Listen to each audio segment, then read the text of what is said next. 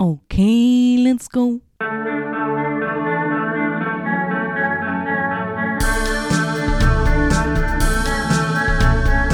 Nicolas Cage podcast. Nicolas Cage podcast. Na na na na. Vond je een film van Nicolas Cage leuk? Dan zou het kunnen dat hij in deze podcast zit. Nicolas Cage podcast. Na na na na. National Treasure. Hallo iedereen en welkom bij National Treasure, de podcast waarin ik, uw host Brandon Calui, iedere keer een film bespreek met Nicolas Cage. Nicolas Cage podcast. Mijn gast voor deze aflevering is Maxime Boei. Hij heeft een coole job bij Transwest, kan even heerlijk koken als Remy uit Ratatouille mm, en is dé expert in comics van heel Vlaanderen. Zijn liefde voor alles wat nerdy is maakt hem de perfecte gast om Spider-Man Into the Spider-Verse te bespreken. Welcome to the podcast, Maxime. Na na na na. National Treasure. Maar ja, het heeft knoppen, hè? Ja, ik, ik weet nog, ehm, ik was. ehm, ik had stage gegeven, mijn allereerste stage. Was met eh, een, een, een collega, medestudent erbij. En ik moest muziek aanzetten voor een opdracht dat de studenten moesten doen. Dus ik pakte mijn iPod Classic. En die kijken. Wat is dat? Ik zeg, dat is een iPod. Oh, en dat had zo een klein schermpje en zo'n draaiknop. Oh ja! Ja, weet je nog? Amai, die voelt me echt een opa. Weet, weet, weet je nog? hè, Met dat, een- met een dat spelletje daar, dat je zo moest draaien en zo om dat Ja, balkje zo van... Dus ik geef dat aan, aan een van die kinderen. Ik zeg van, hé, hey, weet je wat? Ehm, want ik moet kunnen kijken. Als ik naar jou wijs, dan duw jij op play. Oké, geen probleem. Perfect. Ik zet mij neer. Ik ben aan het kijken naar de scène. Ik geef het teken. Geen muziek. Ik geef nog een keer het teken. Geen muziek. Ik denk, oké, lukt het? Nee. En wat zie ik dat hij doet? Die heeft dat, dat ding vast en die is op dat schermpje aan het tikken. Wat natuurlijk niet werkt, want dat is maar enkel een display, dat is geen touch. Het is van, je moet onderin naar die knop play. Wat een knop? Echt goed, hè? Een knop. Dit was 2017, 2018. Een kn- nee, eerder nog zelfs. Sorry, nog veel eerder. Ik ben afgestudeerd in 2016. Dat was 2000... Wacht, hè. 11, 12, 12, 13... 2014. Die was al verbaasd in 2014 dat er een knop zat op een apparaat. Nu zijn we 2022. Ik moet me niet voorstellen dat ik nu iets geef met een knop. Ja, maar... Ik hoor soms dat ik echt denk van... Dat ik, zo van oh ja, soms is het ambetant om zo te typen op een, op een, eh, op een touchscreen. Dat ik echt denk, snotneus. Denkt, in de tijd dat ik mijn eerste gsm deed, ik er een minuut over om gewoon het woord hey te zeggen. Ja, exact. Als we het dan hebben over snotneuzen en de nieuwe generatie, laat ons een keer hebben, uiteindelijk, over Spider-Man Into the Spider-Verse. Nu, mijn eerste vraag aan u is, zeg jij een filmfan? Film en comics, dus ik heb al meestal al Spider-Man films gezien. Mhm. Tom Holland, win.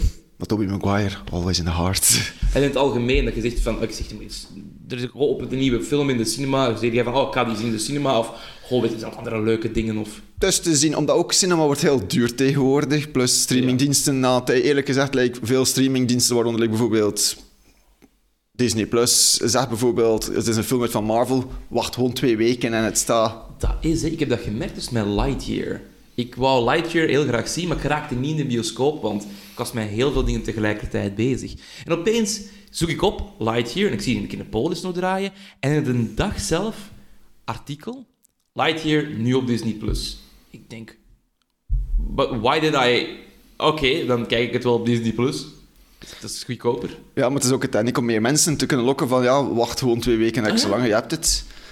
Ja, Maar- dat is spijtig, Maar denk op ik. het algemeen is ook wel nog gaan naar cinemafilms. Dat ik zeg van, van die film wil ik wel een keer op het grote scherm gezien hebben. Like, binnenkort komt de film Dungeons and Dragons uit. Ja! Die wil ik zo... Mijn enige angst gewoon bij die film is van... Gaat het goed zijn? Want het is gebaseerd op een spel dat alle richtingen kan uitgaan. Of gaat het slecht zijn, gelijk de film World of Warcraft als ze probeerden te maken in de tijd? Maar ik denk dat het verschil nu is ehm, bij World of Warcraft ze heel hard in die lore zaten en zich daarop vast hebben gebeten. Echt als in van, ik breek mijn tanden bijna, omdat we moeten hier alles goed hebben. Terwijl wat ik merk uit de trailer, oké, hij is niet uit, maar uit de trailer krijg ik het gevoel, het zijn een bende nitwits met misschien wel lage charisma of met wel lage intelligence die dat dan gaan doen. Dus er zit heel wat humor in, wat in een sessie ook zit. Nu, voor de mensen die niet weten wat Dungeons and Dragons is, er zijn mensen. Dungeons and Dragons is een roleplaying game dat je op tafel speelt met dobbelstenen, vrienden en verbeelding. Heel veel verbeelding. Inderdaad. Ehm, nu, dit is een, ook een Nicolas Cage film. Er zit er heel weinig in, helaas, voor mij. Maar ben jij een Nicolas Cage fan? Ik kan er wel een paar films zien van like, heel komisch tot en met zo... Oké, ik ben doodsbenauwd worden van jou. Waaronder eh, de film dat hij samenspeelt met John Travolta, daar als ze van gezicht wisselen. Face Off, geweldige film. Dat was zo van... Are you okay, Nicholas? Are you okay? Dat Natural Treasure daar, dat Ja. hij soms ook een keer slapstick comedy erin uithaalde. Zo van... Oké. Ja, hij heeft een range van heb ik jou daar. Nu, het grappige vind ik voor deze film... Ik, eh, ik heb u gebeld en gezegd, wilde jij deze film doen? Normaal gezien doe ik het omgekeerd van, hey, wil jij mee aan de podcast? Kies een film. Ik heb bij u gezegd, jij moet een deze doen. Ik heb je zo even in een hoek geduwd van, jij, film bespreken, nu! Eh, maar begrijpt je ook waarom ik u heb gekozen? Tuurlijk, ik zag bijna over niks anders. Jij bent voor mij een expert als het gaat over comic books, als het gaat over cosplay, als het gaat over al deze prachtige, geeky, nerdy stuff. Waar komt uw liefde voor comic books vandaan?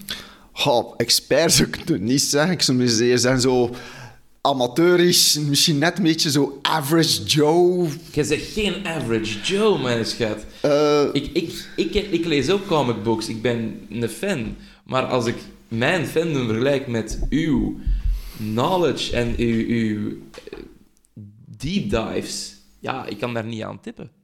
oh ja, mijn ding voor comics.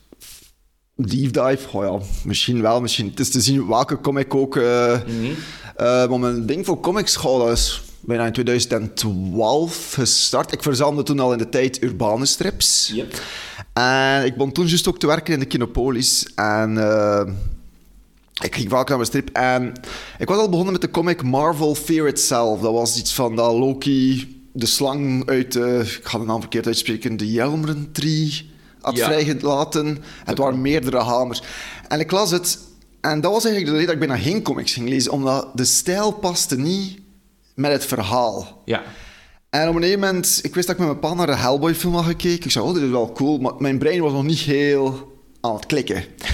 ik kom opeens in de winkel, stripwinkel uit en ik zie opeens de eerste comic van Hellboy liggen. En ik zo, dit ziet er interessant uit. Ja. Ik heb dat gekocht en die stijl paste zo goed met de horrorversie dat Mike Mignola had gecreëerd van het is dark, niet te veel kleur. Dat was eigenlijk een meester in de dark arts van ding. Het was meer zwart dan kleur dat erin zat. Wat ook een hele kunst apart ook is weer van... En daar ben ik zo verder en verder en verder. En dan heb ik ook dingen zodat hij zelf aanraadde, gelijk Rumble van James Accardi en John Harrison, dat echt gewoon... Denk waar ik zijn naam heb verkeerd zijn. Sorry mannen. Eh, zo ook heel aangeraden was door ik. Ik heb gezocht van covers. En op een gegeven moment kwam ik ook bij... Toen de Spider-Verse film uit begon te komen... En ook met Tom Holland heb ik mij ook meer beginnen verdiepen. Zo meer in de Marvel's eh, comic-reeksen. Een paar DC comic-reeksen. Maar ik vermijd wel meestal Marvel en DC comic-reeksen wat snellerder. Omdat die universum is zo wild verspreid tot meerdere varianten. Yep. En bij de Dark Horse-universum is er meestal één tijdlijn. Dus like met Hellboy was er van... Oké, we hebben nu de Hellboy-universum. We gaan nu een keer Lobster Johnson-universum. Maar dat hoort in dezelfde tijdlijn. Ja, dit, is, dit zijn andere werelden, maar wel op hetzelfde plateau, Ja. ik zeggen. Terwijl bij Marvel, waar dat deze film het ook eigenlijk zelfs mee begint, is je ziet op een gegeven moment Earth 616, denk ik dat het is. Denk het wel. Ofwel Earth 6- 666. Nee, niet 666, dat, dat denk ik niet. Ah nee, ik zei dan Earth 67 denken wanneer het was origineel ontstaan. Kijk, voilà, daarom heb ik u dus gevraagd. Ehm, en dan zie je opeens die bolletjes komen van al die verschillende universums die samenkomen hierin. Wat ook de appeal is van deze film. Het is... Je hebt Spider-Man, en je hebt Spider-Man, en je hebt Spider-Man, en je hebt Spider-Gwen, en je hebt Spider-Ham, en je hebt Spider-Man. Dus je hebt heel veel Spider-People. En dat vond ik wel heel Meer gaaf. dan eh, je denkt. Ja, wel, want dat was een beetje mijn vraag ook naar u. Bijvoorbeeld, ik weet dat Spider-Man Noir, dat die bestaat, want ik heb de game eh, Shattered Dimensions ooit gespeeld. Dat is eigenlijk ook... Ja, wat is dat? Dat is... eh, oh nee, er is iets gestolen door... ehm, allee, dat Jake Gyllenhaal speelt in de Spider-Man-film Mysterio. En die heeft iets gebroken. En daardoor kunnen we nu naar verschillende Spider-Verses gaan. Dus ik had de Spider-Man Noir gezien. En Spider-Man 2099 had ik ook gezien op het einde van de film. Spoilers. Ehm, ik wist van Miles ook door de videogame van Spider-Man voor de PS4. Maar al de rest kende ik niet. Wist jij van deze Spider-Man af? Van al die versies van Spider-Man voordat de film uitkwam? Wel, ik had al een vermoeden, want ik was ook Deadpool-krant verzamelen, waar je ook multiverses van Deadpool zag, waaronder je een Naruto op Deadpool ook hebt. En een, pan, en een, en een panda Deadpool. Ik, ik kid je not, dat is... Wat een panda Deadpool. Ja. Dat klinkt geweldig. Waaronder ook een baby Deadpool en een, en een headless Deadpool. Dus op een bepaald punt dacht ik zo van... Als er multiverses van Deadpool bestaan, ga je waarschijnlijk ook multiverses hebben van Spider-Man. En ik heb zo de comic eh, Into the Spider-Verse, echt zo de omnibus, dat eigenlijk over de Spider-Verse gaat. Dat wordt geattaqueerd door vamp- eh, Universal Vampires, die letterlijk de spiderwebs onder controle willen hebben. Ja, ja, ja. En daarin kom je zoveel soorten Spider-Mans tegen, waaronder dat ook Aunt May Spider-Man is. ja, dus haar kostuum was like echt zo het oud vrouwtjeskostuum, like zo typisch achtig dingetje, zo van dik gekleed, hoofd, tuit van de haar. Dat vind ik hilarisch. Dat vind ik echt geweldig. Ehm, zullen wij het eens hebben over de productie? Weet jij iets over het ontstaan van deze film? Ha, de film was eigenlijk al lang in gesprek, maar het moest ook veel... eh, ja, het was ook heel veel animatiewerk in, want het heeft Ja. ook een award gekregen bij de Oh. Oscars. Voor, bij, Onder andere, het heeft een paar awards gekregen. Het heeft, ik heb het hier op mijn eh, tablet staan, het heeft een Golden Globe gekregen, een Critics' Choice Award en een Academy Award voor Best Animated Feature Film. Eerste keer sinds Wrangle dat Disney niet won. Die hebben in totaal, heeft Disney een paar keer verloren. Eh, met Shrek hebben ze verloren. Met Spirited Away hebben ze verloren. Met Wallace and Gromit hebben ze verloren. hè, The Curse of the Were-Rabbit. Grappige film. Met Happy Feet. Happy Feet, hè. En met Rango. En nu opeens was er deze Spider-film. Goh ja, daar zijn ze niet verloren, want Marvel is van Disney, dus het is zo van... Nee, dit is, dit is van Sony. Dit heeft Sony Animations gemaakt in samenwerking met Marvel. Oké, dan niet Marvel Studios. Dus dit is even filmnerd tegenover comic book nerd. Die gaat van, nee, nee, Dit niet klopt Disney. niet, dit klopt niet. Het is niet, Di- het is niet, oh, wauw, Disney. Die helaas niet. Van veel van productiewerk, ja. Oké, hij wint waarschijnlijk aan dat vlak met. En ik, Oh ja, dat is mijn bedoeling ook. Ik ben weet host, gewoon, ze hebben heel veel schone namen kunnen er ook voor krijgen. Oh. Waaronder like, bijvoorbeeld de stem van Kingpin was de broer van Wolverine in de films. Ja, inderdaad. Eh, de stem van eh Dr. Octavia was later dan later degene die Agatha ging spelen. Correct. Stem van Spider-Gwen, ik ben haar naam even kwijt, heeft dan later Kate Bishop gespeeld in de serie Hawkeye. Wat ze ook heel prachtig heeft gedaan. Ah, mij nog niet. Dan moet ik even denken. Penny Parker was blijkbaar ook bekend in een serie. eh in The Orange is the New Blacks, maar ik ben niet 100% zeker. Smerig. Ik heb Dus, hier, ja. eh, ja, inderdaad waar. Mahershala Ali, die Onkel Aaron speelt, die, ging, die gaat Blade doen in 2023. Brian Tree Henry, die de papa speelt, die zat dan in Eternals. Ehm inderdaad, Catherine Han, Doc Ock, WandaVision. Ehm Haley Steinfeld, die Gwen Stacy speelt, inderdaad, zit dan weer in Hawkeye. En Oscar Isaac, die zit ook in deze film, op het einde. Die speelt dan eh, Spider-Man 2099. Is Moon Knight geworden. Just, ja. Dus al deze mensen zijn gewoon in de MCU gekat... Allee, velen zijn in de MCU gecatapulteerd. Wat dat fucking zot is. En om te weten, dat is allemaal begonnen door een hack. Ik weet niet of je dat weet, maar in 2014 was er een grote Sony-hack. Dus allemaal persoonlijke data is gestolen geweest, als ook ideeën. En wat is er dan uitgekomen? Dan is er uitgekomen dat in 2014 ze graag Spider-Man wouden verjongen. Een nieuw idee voor een nieuwe Spider-Man. En wat was dan het idee? Dat Phil Lord, Phil Lord en Christopher Miller die gingen een film maken. Dat was er geweten. Oh, die twee dudes die zijn vrij gekend in de, in de cinema. En ehm, die zeiden van, wij gaan, wij gaan film maken, animatiefilm, op één voorwaarde. Wij willen dat eh, Spider-Verse kunnen, kunnen bewerken van eh, Dan Slott en het verhaal moet draaien rond Miles Morales. Wat vind je van die keuze van Miles als central character neer te zetten? Ha, in een zekere zin was dat eigenlijk een keer een goede keuze, want we zijn al heel tijd constant gewoon Peter Parker gewoon. Yep. Constant Peter Parker, Peter Parker. Wat ook een keer een interessant concept is van, laten we een keer veranderen op een unieke manier. Het was zo een reboot van, we drukken op de herstartknop, maar we gaan het volledig anders doen. We gaan een keer iemand anders ook in de spotlight steken. Ja. Het was ook niet geneigd op bepaalde keuzes van het moet dit zijn, het moet dit zijn, het moet dit zijn, het moet dit zijn. Het was echt zo van, we gaan gewoon meerdere universums ineen steken. Omdat het was inderdaad de groei van een volledig nieuwe Spider-Man. Ja, Spider-Man. Spider-Man. Maar het was ook een keer een kleine inzicht op meerdere andere Spider-Mans. Van, wat ook weer een heel interessante piek creëerde. Gelijk dat je zag van... Oké, ja, eh, Miles is zijn onkel verloren. Ja. Zo is hij kunnen van... Ik wil voor hem verder gaan. Terwijl Gwen zei van... Ja, ik heb mijn vader kunnen redden. Maar ik heb mijn beste vriend dan niet kunnen redden. Yep. Wat Peter Parker dan was. Dus voor elk universum was het ook iets van... Dit is een opening. En ik vond bij Miles was het echt zo van... We gaan nu de volledige start tonen. Want hij wist totaal niet hoe en waar hij kwam. Je ziet ook van dat hij nog struggelde. Wat ook de origineel Peter Parker was van... Hij struggelde ook met bepaalde problemen. Ja. Van... Ja, maar ja, ik ben niet gelukkig in deze school. Eh, ik wil terug naar mijn oude, denk. Terwijl ook zijn ouders zeiden van... Maar wij willen het beste voor jou. Ja. Dat is, dat, is een, dat, is een, dat is iets wat ik heel herkenbaar vind in de film. Ik ben geen tienerjongetje meer, maar ik herken dat wel, dat, dat die strijd is van... Ik wil mij goed kunnen voelen versus we willen het beste voor u. Dat... Ja, dat is die... die, die, ehm, Allee, oh, ik ben even de woorden kwijt, wat dat onhandig is voor een podcast, I know.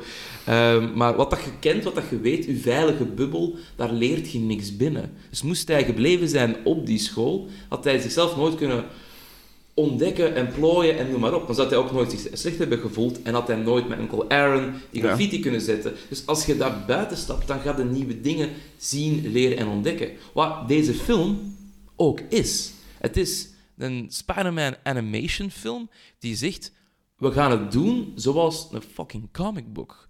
We gaan die stijl hanteren en we gaan gewoon u iets geven dat je niet verwacht, wat jij wel gaat verdienen, wat jij wel kei fijn gaat vinden. Oh, wel, dat ik zelf. Ik, heb even de, eh, ik ben ook naar de film gaan kijken, opnieuw een keer aan kijken. Ik heb de behind the scenes gekeken. En zelfs de makers zeiden van, we hebben zoveel easter eggs erin gestoken. Oh my god. Dat ze zeiden van, je gaat ze nooit allemaal vinden. Je zou de film honderden keren moeten opnieuw zien, gewoon om ze allemaal te vinden. Waaronder like, in een scène op het heel het einde, dat ze daar in die grote eethaal al zitten. Zie je daar zo twee mensen, kaal en een beetje met haar. Blijkbaar waren dat de directors van de film in animatie en zo. Of, en die aard. Of komt Stan Lee er zelf nog drie keer later en ergens in voor in een subtiele Ja. scène. Ja, het is eh, omdat eh, de twee makers van Spider-Man, dus dat is Stan Lee en zijn eh, buddy Steve Ditko, die zijn allebei overleden in 2018, het jaar dat de film uitkwam. En ik weet dat, dus dat ene stuk in de film, dat Stan Lee die shop runt met die kostuums, met de no refunds, geniaal grappig eh, moment. They always fit. Exact, exact. Ehm, en ze wouden Stan Lee er nog een paar keer insteken.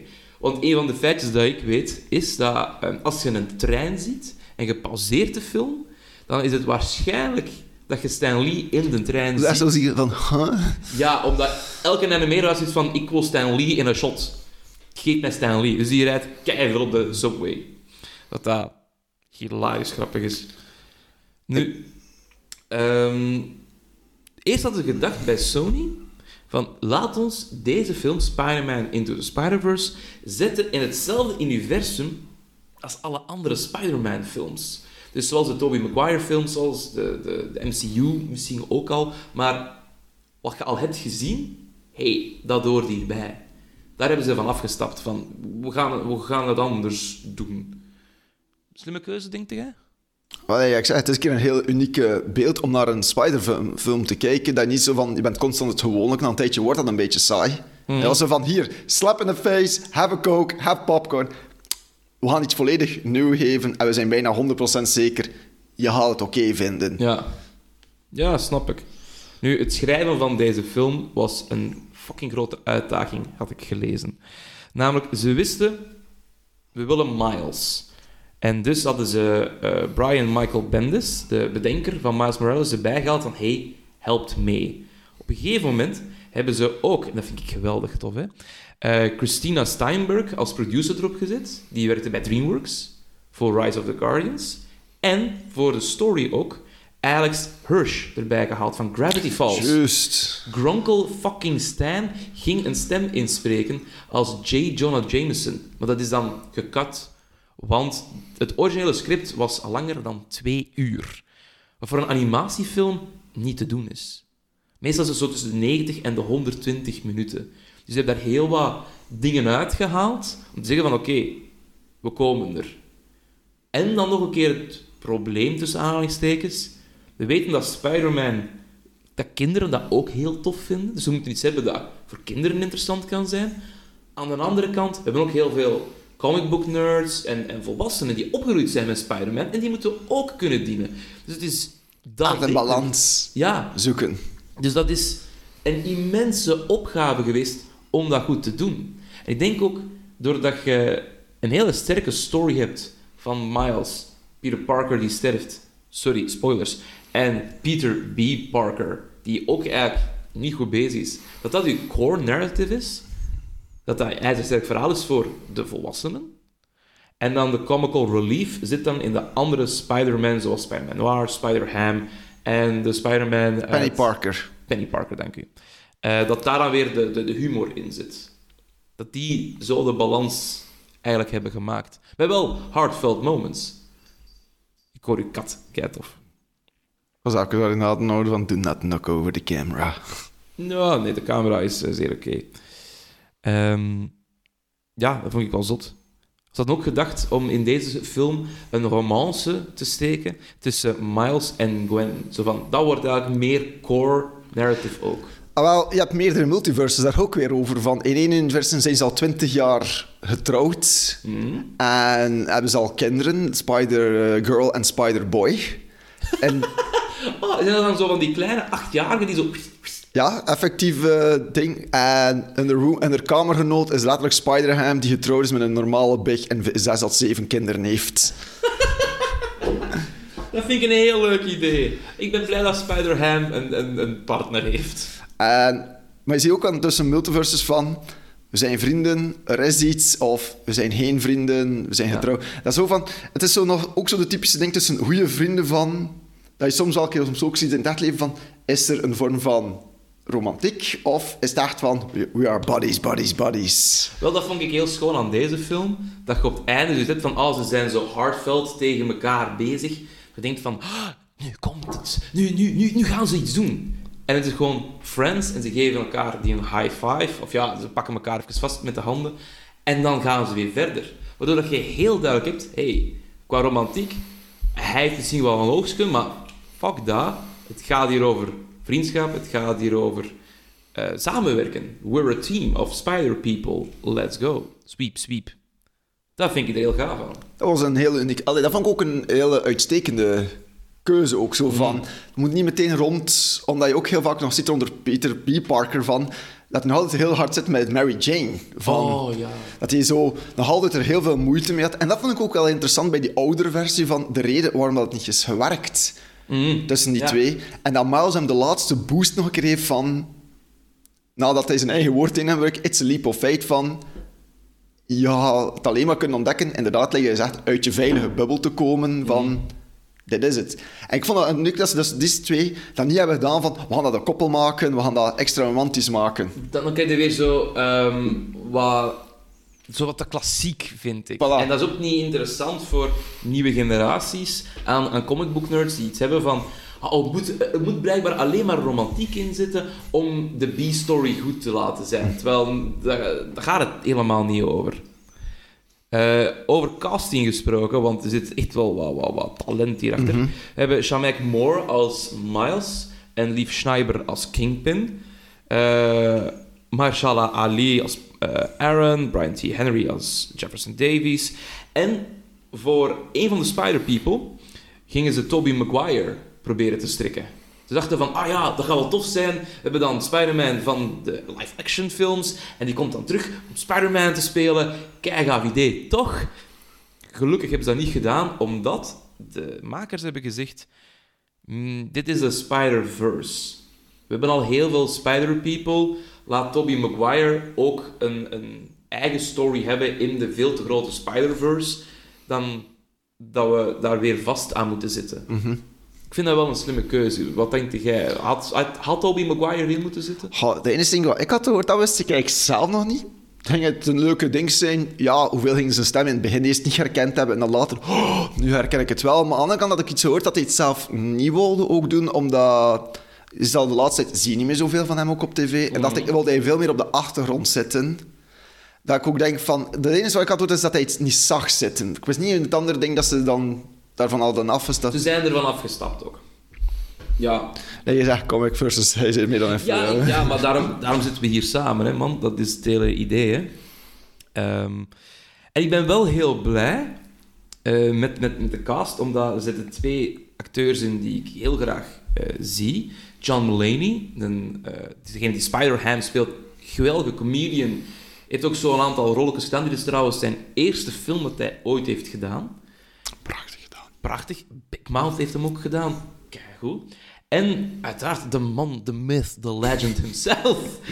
Nicolas Cage als Spider-Noir. Is dat een fangirl-traantje dat ik daar zie wegkruipen bij? Zal nog niet. Ik moet mij inhalen. Get back in there, tear. Get in back there. Voilà. Nu, eh, er is al een eerdere link met Spider-Man en Nicolas Cage. Ja. Ga je me nu keer moeten vertellen, want die weet ik zelf niet. Nou, ik zal het u vertellen. Namelijk, de link is met een allereerste Spider-Man-film met Tobey Maguire. Namelijk, ze hadden een Green Goblin-acteur nodig. En ze dachten, waarom pakken we niet Cage? Maar omwille van verschillende redenen is dat eigenlijk niet doorgegaan. En is dat... De e kat maakt hele grappige Het is een beetje astmatisch. Dat is niet erg. Laat hij maar lekker astmatisch zijn, als hij maar gelukkig is. Dan is dat... ehm, Alleen die ben ik zijn fucking naam kwijt. Green Goblin, zijn acteur. Holy, holy crap, ik ben nu ook zo naar Willem Dafoe! Willem Willem Dafoe. Willem Dafoe, Willem Dafoe. Doet dat keigoed. Geweldige Green Goblin. Zelf in een show zit je van... Je hebt de perfecte charisma om de Joker te spelen. En je denkt van... Je hebt nog niet eens hem gezien in de Goblin. Je weet letterlijk dat hij perfect is voor die rol. Oh ja, maar die, die kan heel goed gemeen... Allee, een slechterik spelen, een spelen. Die heeft dat gezicht daarvoor. Het is niet gemeen naar Willem Dafoe. Maar hij weet het zelf ook. Van, I got that face. Al had ik het wel grappig gevonden en interessant gevonden om Nick in deze film te zetten. Als in de originele Spider-Man. Wat had jij... Denk, wat denk jij? Was Nick beter geweest als Green Goblin? Of zijn we toch maar content met eh, Willem Dafoe? Goh, ik ga eerlijk zijn, sorry matje, maar dat Defoe nog altijd het beter zou gedaan hebben dan Cage. Omdat ik heb Cage al kwaad gezien. Maar iedere keer dat ik naar Cage keek was zo van... Ik zou een keer ook van, Pintje, kom. Oké, we, zijn bo- we zijn boos, we zijn boos, we gaan verder. Zet u een keer neer en vertel mij wat er aan de hand is. Ik heb hem ook al gezien dat hij echt zo van... Oké, je zit eng, ik ga me vermoorden, maar ik breng niet genoeg angst. Terwijl bij Defoe, zelf in de laatste nieuwe film met Tom Holland dan, dat hij daarin kwam, was ik echt zo van... He's back, he's back. Hide your kids and wives, Viola. he never fucking left. Dat was echt heel aardig. Nee, ik snap u. Ik snap u. Het is ook een hele goede keuze. Maar ik had Nicolas Cage dat graag zien doen, om, omwille van het feit, één, dat is een goede acteur, voor mij, maar dat is ook een hele grote comic book fan. Juist, want zijn naam Cage is gebaseerd op Luke Cage. Exact. Goed beetje. Heel fijn om te horen. Als we het dan hebben over ehm, deze film, mo- moet, we moeten het ook hebben over de muziek. Ik ken de plaat, het eerste wat ik zag toen ik die plaat zag van... I'm gonna buy this. Mijn vraag is dan, welke plaat? Want er zijn er drie. Ik denk dat ik gewoon zo degene heb die echt de film promoten. ja, Eh, dus de, Vanaf dat hij dat opende, echt zo de Spider-Verse ja, zit erin. de Spider-Man Into the Spider-Verse soundtrack from and inspired by the motion picture. Ja, dan. eh, maar dat is ook met de originele liedjes, dat er like, ook de de meest klassiekste liedjes dat er is uitkomt, dat like, door de radio's heeft staan blasten tot Ja. en met Sunflower. Sunflower inderdaad van Post Malone.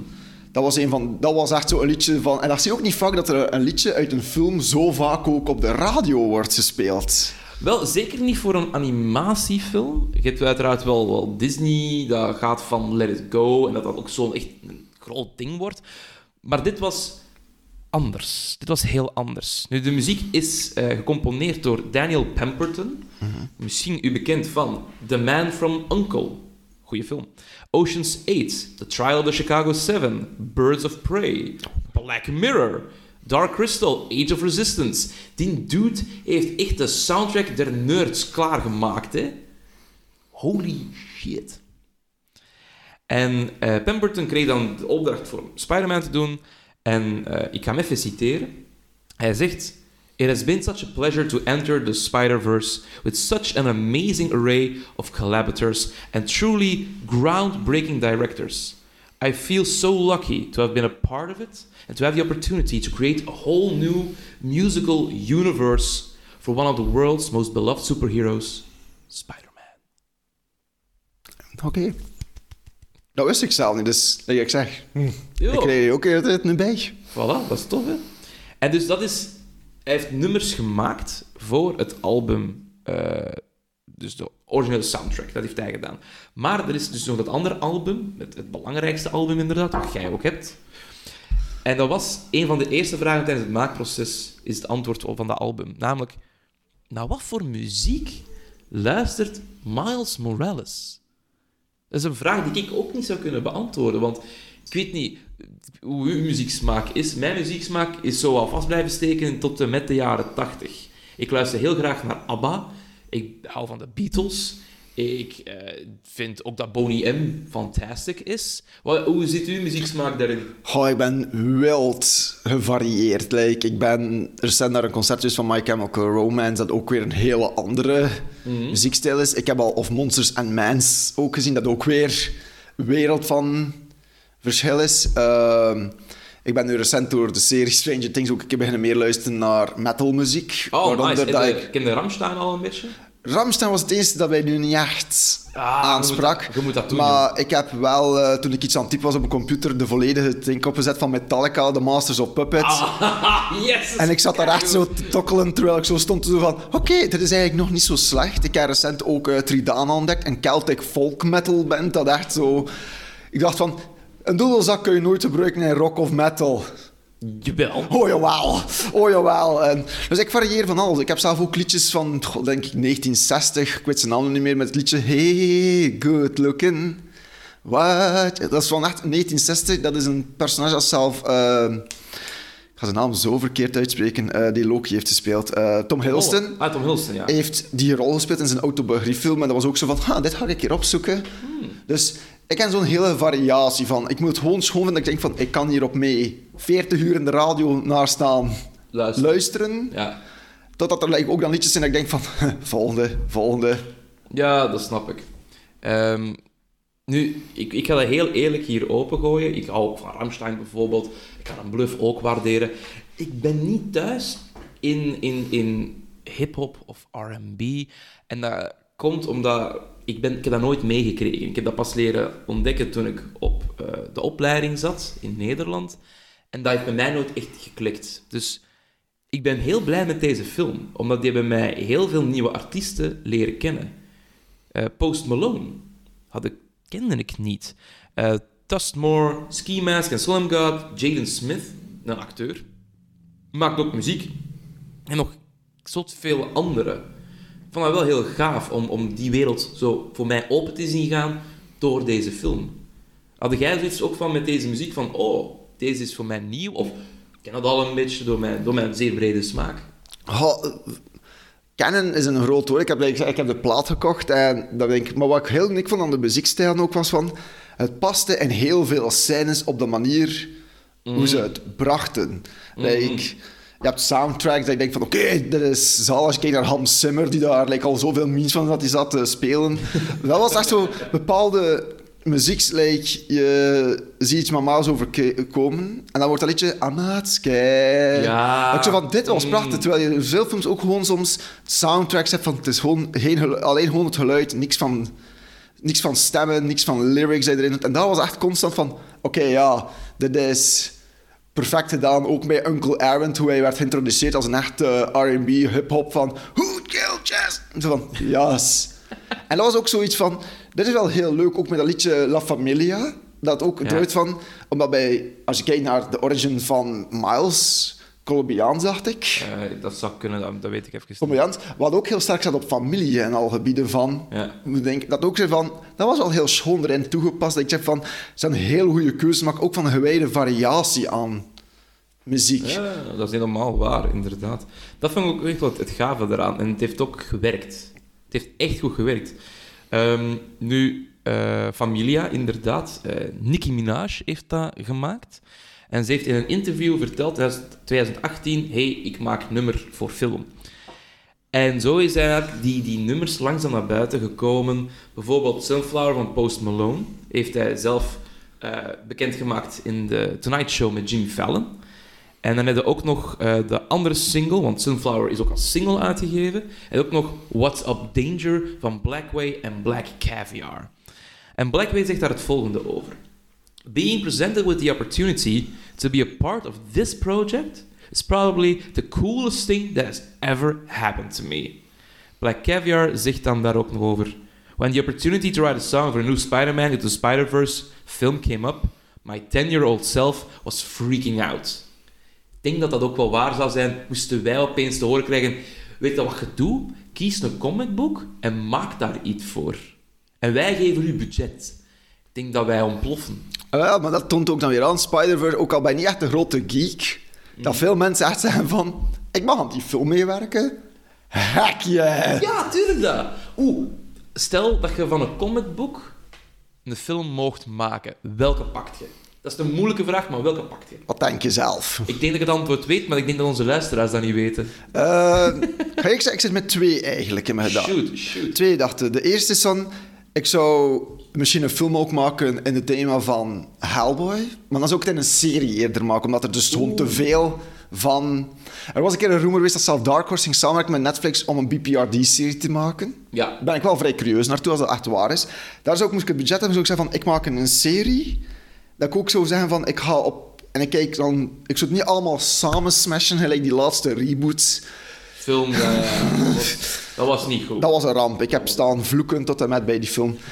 en een andere film waar ik denk ik dan een film zou van maken, of misschien ook een serie, omdat bij film moet je heel gecalculeerd gaan van wat kun je gebruiken, Ja. wat kun je niet. Gelijk, gewoon even een side note, bij de film Hellboy dat gemaakt was door Guillermo del Toro, Mm. was er geen enkel origineel comicboek van. Dat was volledig... Nieuw. Like, de eerste was gebaseerd op de allereerste comicbook met een paar Twists, twists, and turns. twists Ja. Maar het was gebaseerd op de allereerste comicbook. Ook in samen met Manola. De tweede was volledig nieuw.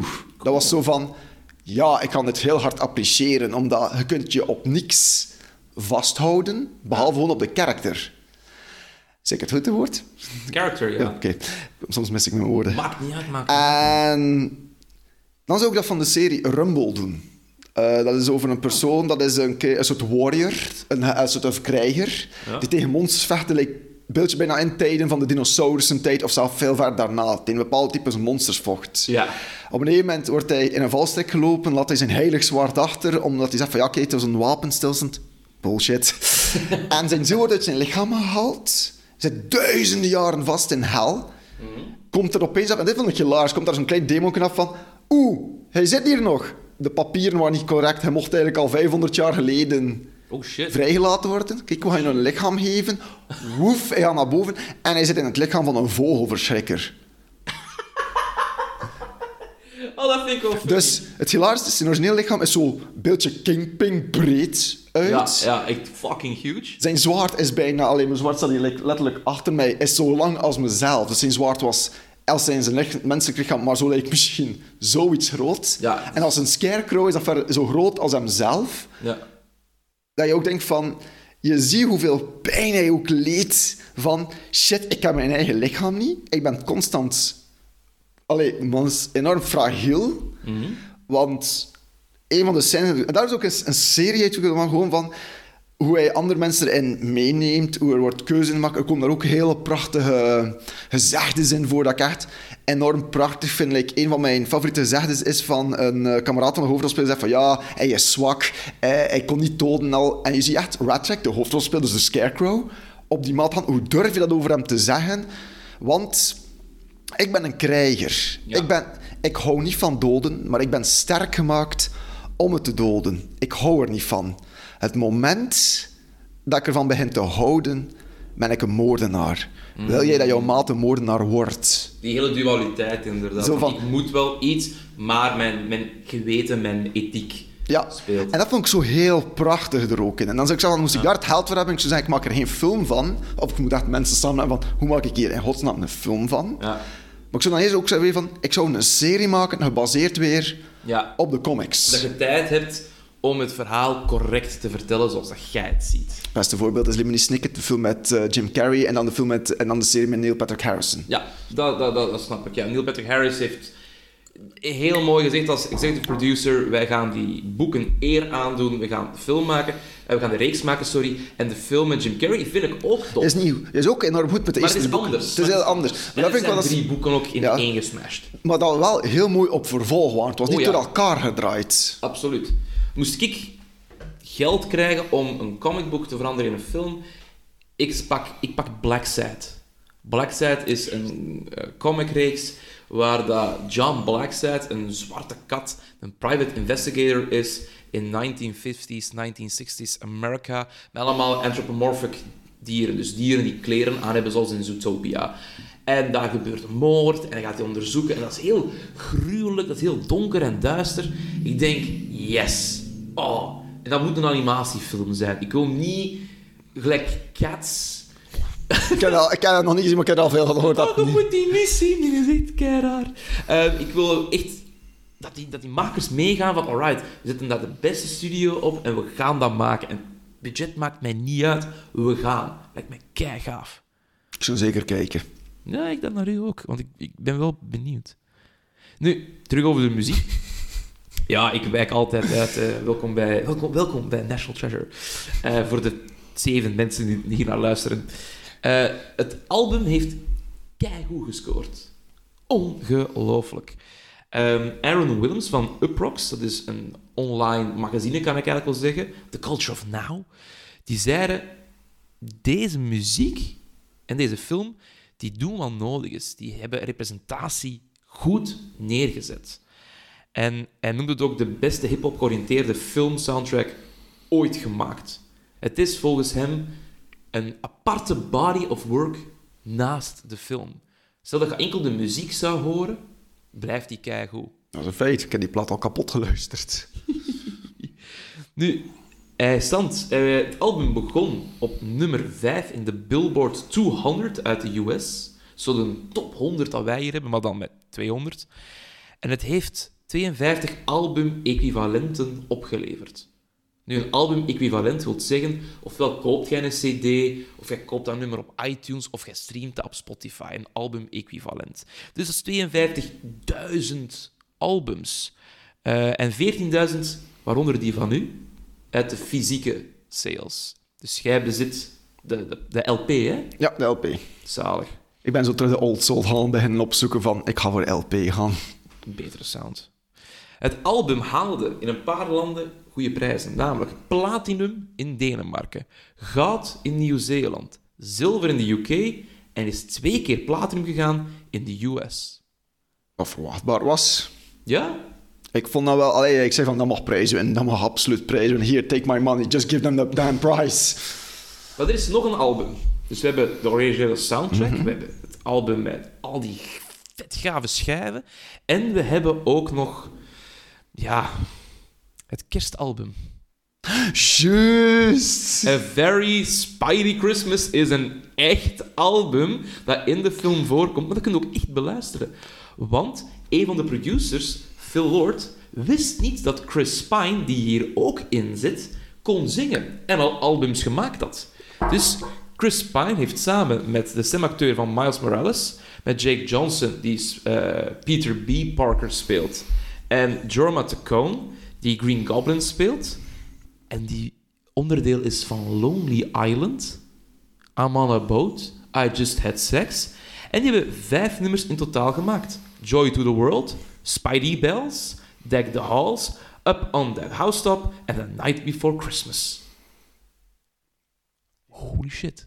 Ik wist er iets vaag van, maar ik had nooit dat het eigenlijk echt ook een album was geworden. Ja, maar Sony ook niet. Dat is zoiets van... Ja, weet je, we zullen dat album dat wel maken, maar we doen dat enkel zo wat digitaal. Het is zo wel een, een throw, throwaway joke. Ze wisten daar ook niet dat Spidey Bells en Deck the Halls ook op EP nog zijn uitgebracht. Omdat dat wel succes was. Mensen waren fucking fan. En dachten van... Daar zit zo wat... Allee, we horen zo een nummerken of twee in de film. Wat zijn die nummers? Ik wil dat wel horen. Ik heb ehm, Spidey Bells gehoord. Is fun. Ik raad het niet aan om met kerst effectief op te zetten bij je familie. Want dan gaan ze van... Wacht maar. Maar als je het kunt meepakken in een grotere mix... Kijk, een moment. Want 9 op de 10 luisteren die mensen daar toch niet naar. Ze zijn eten aan hun kalkoen. Achtergrond, achtergrondgeluid. Maar jij zit met een smile van... Spider-Man. Yay! Ik, ik zou waarschijnlijk zeggen van... You damn bastard, I know that song. Nu, er is een alternatieve versie ook van deze film. Je leert, je leert me echt nieuwe dingen bij. Dat is de bedoeling, hè? Ik, ja, ik ben de weetjes-nerd, hè? Dat weet ik. Ja. Er is dus een alternate, alternate sorry, universe cut van deze film. En die duurt 26 minuten langer. Dat is dus de dingen dat ze wouden maken, maar niet konden maken. En dat zijn echt nooit geziene scènes, nooit gezien materiaal zitten op die Blu-ray-versie. Nu, ik weet niet, je hebt de film herbekeken voor deze podcast. Waar heb jij hem gekeken? Op DVD even boven. Op een DVD. Ja, ik heb hem via Netflix gezien. En ik denk dat wij allebei de standaard De versie standaard, hebben standaard versie hebben gezien. Ik ben wel benieuwd. Eigenlijk ik nu ik ook. Dus we, we spreken nu al af. We gaan die langere versie een keer bekijken. Eerst vinden, maar dan bekijken. Dat gaat wel gemakkelijk te zijn. Het is een internet. You can find everything on the internet. Ja, de illegale downloads, dat doen wij niet, hè, want wij zijn brave mensen. Knipoog, knipoog, wink, wink. Want we mogen dat allemaal niet hardop zeggen. Maar we vinden dat wel op de interwebs.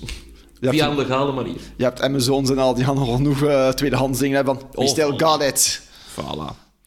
Ehm, ik wil nog even kort hebben met jou over de credit scenes. Zowel begin als end credits. Juist met al die Spider-Mans. Ja. Dus ehm, wat, ik heel, wat ik het gaafste eigenlijk vond... Allee, het zijn twee heel gave dingen die ik vond. Ehm, in het begin heb verschillende logo's. Je hebt het Sony-logo, Columbia Pictures, dat vrouwke, Marvel-logo, Sony Pictures Animations en Pascal eh, Pictures. Al die logo's die komen op. Hè, zo hey, we hebben er allemaal aan gewerkt, zie ons een keer goed bezig zijn. En die zijn allemaal fucked. Want die zitten eigenlijk al door die Super Collider gegaan. Die breken af en toe, die kleurschakeren al een keer. Dus je krijgt eigenlijk al te zien, ah ja, er gaan hier dingen mis, er gaan hier dingen stuk. Dat vind ik al keigoed. Dat is zo'n knipoog van, welcome to the film, het is niet wat dat je denkt. Let's fucking go. Love that. Was was u opgevallen? Want dat was deze dag zo van... huh, eh, Statue Liberty with two guns. Liberation. Yes. maar volgens de maker was het ook gebaseerd op allerlei soorten cartoontjes. Waar ze zelf mee waren opgegroeid en zo. Ik vind dat geweldig.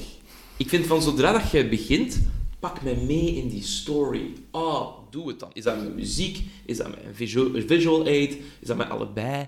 Kom maar, doe maar. Ik wil het zien, ik wil het hebben. Nu, ook aan het begin van de film is er een logo te zien en dat kende ik niet. Misschien kende jij het wel. De Comics Code Authority Seal. Ja. Dat is... eh, ik weet niet 100% de denk ervan. Eh, ik weet gewoon nog die, die, die naam, dat ik het goed in mijn hoofd kan Ja, opplaatsen. de Comics Code Authority Seal. Gemaakt door de Comics Magazine Association of America. Ik, had, ik ben niet daar veel 100% van. Ik dacht vooral dat dat was voor over... Dat dat ook gesponsord werd, like de comic. Dat dat eigenlijk ook vooral... Ik zeg die kennis is een beetje heel vaag. Maar ik zit nu een beetje te verwarren met Stan Lee zijn vroegere stem. Dat hij dit in comic dat hij iedere keer een soort gezegde maakt om mensen op te peppen. Maar daar is ik denk van, mijn eerste ding dat ik misschien correct zou hebben, is van dat dat eigenlijk vooral was voor het kijken van, is deze comic oké? Is deze legaal? Is deze oké? Ik denk, Exact. Wat was dat eigenlijk? Zij, want dat heb ik dus zelf geleerd. Wat wilden ze doen bij de comic books in de United States? Zelf reguleren. Is deze comic oké? Kunnen we die uitgeven? Waar gaan we die uitgeven? En niemand anders buiten creators gaan daarover. En wat zorgde daarvoor? En wat dat heel fijn is voor deze film en andere projecten, dan kwam dat heel snel in de public domain. Wat wil dat zeggen? Iedereen kan daarmee aan de slag. Dus nieuwe makers, nieuwe ideeën, nieuwe visuals voor Spider-Man, maar ook voor een Batman bijvoorbeeld, voor een Iron Man. Gingen dus van, hey, mag ik een comic maken? Ja, tuurlijk. Zet u aan onze tafels en begint maar. Zo krijg je heel die verschillende universums. En dat is ook zo een knipoog, een eerbetoon aan die old days van comic books. Want eh 2011 is de Comics Code opgehouden. Was zo nog Archie Comics was daar nog mee bezig van hey, wij hebben dat logo nog op onze comicbooks. En verder was daar niemand meer mee bezig. tijden veranderen, nee. Dus dat. En op het einde van de, de, de film zit nog een hele leuke eh, quote van Stan Lee. The person who helps others simply because it should or must be done, and because it is the right thing to do, is indeed, without a doubt, a real superhero. Wat ook geen leugen is. Exact. Zeker nu. Ik denk, als we mensen meer en meer gaan helpen, zeker gewoon alledaagse dingen. Bijvoorbeeld, ik weet nog op de opleiding, was het tegen ons gezegd van, weet je hoe je iemand ziet van onze school? Als hij een omgevallen fiets rechtzet, dan weet je, dat is een goed persoon. Ik vind dat bullshit, omdat dat niet afhangt van een school. Je bent een, een mens met waarden, normen en respect voor elkaar. Dus ja, je zet een gevallen fiets een keer omhoog, of je vraagt aan iemand, kan ik u helpen? Zo'n vrouw met een buggy aan een lange trap, die denkt van, Of in een trein te willen helpen. voilà, hey, moet ik u even helpen? Hup, voilà, dat kost geen moeite. Ik ken zelfs slecht gewoon als ik mijn fiets help al in de fietsstelling van het station. Ik zie nog een achterlicht branden. We gaan dat eruit zetten. We gaan die batterij sparen. Exact. Then you are a superhero. Maxime, je bent een superhero, volgens Oh. Stanley. En daarna kwam een quote van de makers die nog zeiden... Thank you Stanley and Steve Ditko for telling us we're not the only ones. Als in, er zijn zoveel superhelden om ons heen. Ja, want als ik correct ben, was het zelfs Stanley zijn laatste keer dat hij iets in had gesproken voor de film. Dat was een van de momenten van... Yes! Amai, nog niet. Inderdaad. Iedereen dacht van, oh nee, Endgame was zijn laatste zijn. En zo van, nope. het was... eh het was Spider-Verse. Exact. Nu, we weten dat de film het goed heeft gedaan. We Oh ja. zijn allebei fan van de film. Nu, mijn vraag aan u is daarover... eh, want ik wil graag met u de scores een keer overlopen. Ik heb vier reviews, eh, sites gevonden met scores. Maar mijn vraag is aan u, ja, hou jij daarmee bezig? Als je naar de film gaat, zeg jij, ik kan een keer de score opzoeken. Oh, ik ben zo'n type van, en heel veel mensen hebben mij hiervoor gehad, ik ben zo de type van, al kan ik de film nog niet gezien, durf ik al zo naar de Wikipedia te gaan Ja. om de, de plot te lezen. Ja, ik ben een van de mensen die daarvoor haat. Dus ik denk, waarom? Omdat bij mij is zoiets van, ik ga het lezen, maar ik vraag me dan altijd af van, hoe gaan ze dat in de film brengen? Er staat bijvoorbeeld gewoon een scène van, ah, he hit his mother. Maar ja, in welke zin? Slaat is het met een honkbalknuppel? eh, is het met een, is het met een vlakte, is het een vlakte van de hand? Is het met vuist? Maar wat is het? Hoe wordt die scène gebracht? Is het in een daglicht? Of is het echt in het donker? Ja, hoe mep ik dat tanden uit haar bek is? Ja. Zoiets. Of van, eh, hij wordt gered uit een auto. Wat is de scène met de auto? Van, ah, het catch fire. Maar hoe is die in auto in brand gegaan? Heel de... Denk van, ik zoek... En je ziet dan ook altijd meestal de response of viewers. En Ja. ik denk, er staat ook al bij van Rotten Tomatoes. En, denk, en dan is ik ook zo de variatie op van... In ieder geval gemixte of ratings zijn goed. En daarom kan ik ook van, ha, misschien moet ik deze film toch even bekijken, want... Het wordt heel goed overgesproken, het heeft zoveel verkocht en al. En daarom ben ik zo dan iemand van... Ik ga her de plot is, omdat ik zelf al een beeld van... Wil ik deze film zien? Ja. Of is het zo van... Echt. Alright. Wil ons ook eens een ke- een keer de scores overlopen. Ik vind altijd funny, de scores. Mij maakt dat niet uit, ik kijk naar alles. IMDb heeft het een 8,4 gegeven. Rotten, de critici gaven het een 97% Denkt jij dat het publiek meer of minder heeft gescoord? Ik denk dat het publiek zelf meer heeft gescoord. Eh, eh, Nee, lager. 93% Ja, het is een verschil van 4% maar hey, 4 Het is al boven de 90. Boven de... Ja, fucking hell. Movie Meter, dat is zo de Nederlandse... Ja, die doen wel goede dingen. shit. Geven het een 3,7 op 5. Ça va. Ja, niet goed, maar ook niet slecht. En mijn favoriete review-site ever, bol.com, geeft de film een 4,8 op 5. Dus bijna perfect. High five bol. Ja, high5ball.com, jongen.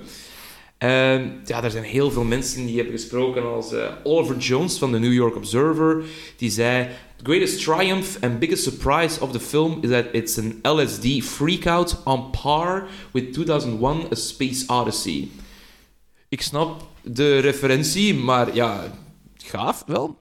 Ik denk, moest je effectief die film op LSD weer kijken en een heel nieuwe wereld ontdekt. Ik denk dat hij niet meer uitkomt.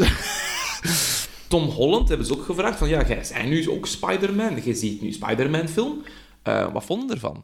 En hij zegt van, it's the coolest thing I've ever seen. Ja, want dat is support nu voor... Er is een ding dat hij een vierde film ging maken, maar dat hij vooral wil gaan voor ook van... Ik wil een Miles Morales Ja. live action zien. Tuurlijk dat, wie niet? En een van mijn favoriete regisseurs, te koer, Kevin Smith, van Clerks en Clerks 2 en binnenkort Clerks 3, hij heeft eh, ook gezegd: I always liked Spider-Man, but this movie made me love Spider-Man on a Batman-type level. It just goes to show you that any character in the right hands can be a transformative experience. Wat hetzelfde ook is met Hellboy. Guillermo del Toro maakt film, keigoed. Ze maken een soort remake wat later en dat is gewoon bagger. Dat is door de grond eh, gegaan van... Ah ja. Want zelf de fanpagina, de officiële Mike Mignola Facebookpagina, vroeg letterlijk van... Wat vond je van de film? Alleen goede reviews, alsjeblieft. Gewoon omdat ze wisten Het is bol. hoe, hoe slecht... Zelf David Harbour, dat ik wel niet aan het kennen, heeft heel goed die rol gespeeld van Hellboy. Toen ze aan hem vroegen, had er een tweede komen, die zegt, die matje uit de, uit de reviews te zien. Ik denk dat er zelf geen derde zou komen. Mhm, dat snap ik. Nu, deze podcast draait rond Nicolas Cage. We gaan het daar ook nog even over hebben. Over eh, zijn performance. Nu, hij is een acteur, hij is nu een stemacteur. Hij heeft al een paar films onder zijn belt gehad. Hij heeft G-Force gedaan in, voor Disney, zo'n hamsterfilm. Kijk, gezien. Hij heeft Astro Boy ook gedaan. Ook, tof, eh, ook een toffe film. Ehm, hij heeft ook nog een Christmas Carol gedaan. Hij heeft al wat stemwerk gedaan. Eh The Croods heeft hem ook gedaan. Dat hebben we ook al besproken met Marie. Wat vond je van zijn performance als Spider-Man Noir? Enorm interessant, eigenlijk vooral uniek. En omdat ik heb ook een Spider-Noir gelezen. En het was wel een hele wereld van verschil tussen de comic en in de film. Omdat de comic is die een klein beetje, Spider-Noir een stukje brutalerder, gemener. Eh, minder empathie ook. Eh, om, om een voorbeeld te geven, ze vinden een, een, Park, een Peter Parker dat praktisch in een coma ligt na zijn spiderbeet. Ja. En ze willen hem proberen te redden. En in de comic was het zo van... Oh ja, we kunnen hem niet redden. Ik heb hier een kogel klaar. Ik ga hem gewoon de meest zo empathische einde geven. dat ik echt denk van... Wow, wow. Terwijl in de film vroegen ze aan hem van... Hey, was de director zo niet akkoord met zijn stijl? Dat zei van... Kun je nog meer Cage gaan? Totdat Nicolas Cage zei van... Hij dat ik gewoon volledig bezorgd ga als Cage. Wat hij ook heel heeft gedaan. Like ook, je ziet hem constant vloeken bij bepaalde scènes. Maar het is zo heel kindvriendelijke Het, moet, het, moest, het moest een PG-film Ja. zijn. Like dat hij opeens tegen die kerel aan het vechten is van... Is dat all you got, you all Grammy? Ja, Terug- ja, en ja, woef smijt. En ik denk van... Ik zie hem het volledig in de beste vloekwoorden ooit gewoon Ja. zeggen. En hij, is daar, hij heeft dat zo hard gedaan, maar hij heeft ook vooral heel veel research erin gedaan voor zijn stem. Omdat hij heeft zich gebaseerd op drie Amerikaanse... Ik woon toen de, Go- de Hollywood Golden Age zelf begon. Eh, als ik het correct heb. eh, James Canham, eh, Humphrey Bogart ja. en Edward Robinson. Drie letterlijk iconen in de tijd van ene dat prachtig was voor zijn stem. De ander die echt een icoon was. En de ander die echt zo mee in de reis van de Hollywood Golden Age is gegaan. Omdat Noir komt uit een tijd van... Like dat hij geïntroduceerd werd van... I like to drink milkshake and fighting Nazis. Ja, hij zei daar in 1940 1930 tot 1940. Ja, inderdaad. En hij was wel een, een heel unieke keuze om, omdat... Ja, als je bedenkt van hoe hij het deed en tegenover de comicboekversie, was hij zo van... Dat is nog geen dat ik mijn kinderen zo mee vertrouw voor te babysitten voor een uur, terwijl ik zo de comicboekversie... Nope, nope, nope. Tegen dat ik terugkom en mijn kinderen leert hoe je met drie bepaalde pistolen moet leren schieten. Nee, dank u. Nee, inderdaad, hij heeft inderdaad heel goed onderzoek gedaan naar die classic Hollywood acteurs, Humphrey Bogart, James Cagney, om inderdaad stem te pakken. Mooi verteld, goed gedaan. En ik vind ook, ehm, als, als Cage wordt geïntroduceerd, zegt Sp- eh, Spider-Man Noir zo, hey fellas, Miles zegt, is he in black and white? En dan zegt Peter B. Parker, and where is that wind coming from? We're in a basement. En dan zegt hij, wherever I go, the wind follows, and the wind smells like rain. Ik denk, oh, yes, here we fucking go. Mm. Heb je, heb je wat papier nodig om eh even op te kuisen? Ik vind dat geweldig. Hij zegt ook zo'n zin. Sometimes I let matches burn down to my fingertip tips just to feel something, anything. Oh. En dan, snap je, dat is zo, dat is die, de fun stuff komt er echt in voor. En dan ligt hij iets later op een sofa. Hij is in zwart-wit en heeft een Rubik's Cube vast. Is this, is this purple? No. Blue? No. En hij pakt het ook mee. I'm gonna take this cube. En je ziet hem het ook oplossen op het einde. Oh man, I love it. Hij zegt ook op een gegeven moment, eh, zijn ze zo eh, Miles aan het trainen van, jij moet sneller reageren, jij moet dingen doen.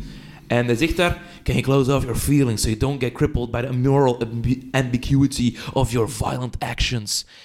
In een hele reeks van andere dingen. Ik denk van, oh, Spider-Man Noir. You're shutting down your feelings for the moral ambiguity? Are you okay? Wel, in de comics is hij ook zo'n beetje eh, een stuk ja, brutaler daarin. Want in de comics, ik snap wel waarom dat hij zegt van gevoelens afsluiten. Like, in, hij heeft op een andere manier ook zijn krachten gekregen door like, een soort spider-Egyptian god.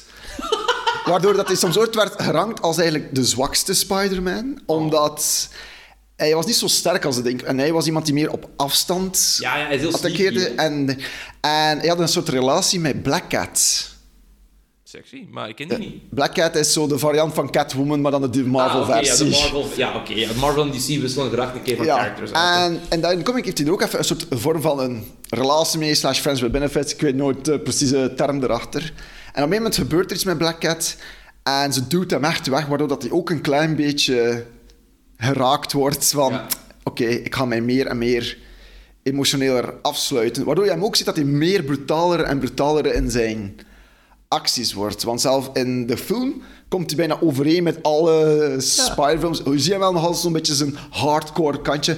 Maar in de comics, hij komt volledig niet eens overeen met Spider-Ham, omdat ze komen op een bepaald moment in een dimensie terecht waar niks van elektriciteit is. En je hebt daar een soort spider steampunk girl of zoiets. Dat echt, haar pak werd volledig op stoom en al. Ze heeft ook geen echt krachten. En ze komen in een ruimte binnen met vol opgehangen dierenkoppen. Je ziet zo Spider-Ham zo van... eh, can we go to another room, please? Because I feel uncomfortable. Hij ziet Oh, I'm so sorry. Ik ben zo sorry, sorry. Hij zegt zo Spider-Man... Don't care him, he's just a useless pig. Oeh. Ziet echt zo die in discussie gaan van... Ja, I told ja, you, I'm cartoon. We're not going in this decision again. Dus, dus, dus die- hier zijn ze heel vriendelijk tegen elkaar, maar in de bepaalde comicbooks kunnen ze wel een keer hard tegen hard gaan. Ja, like dat hij ook zegt van...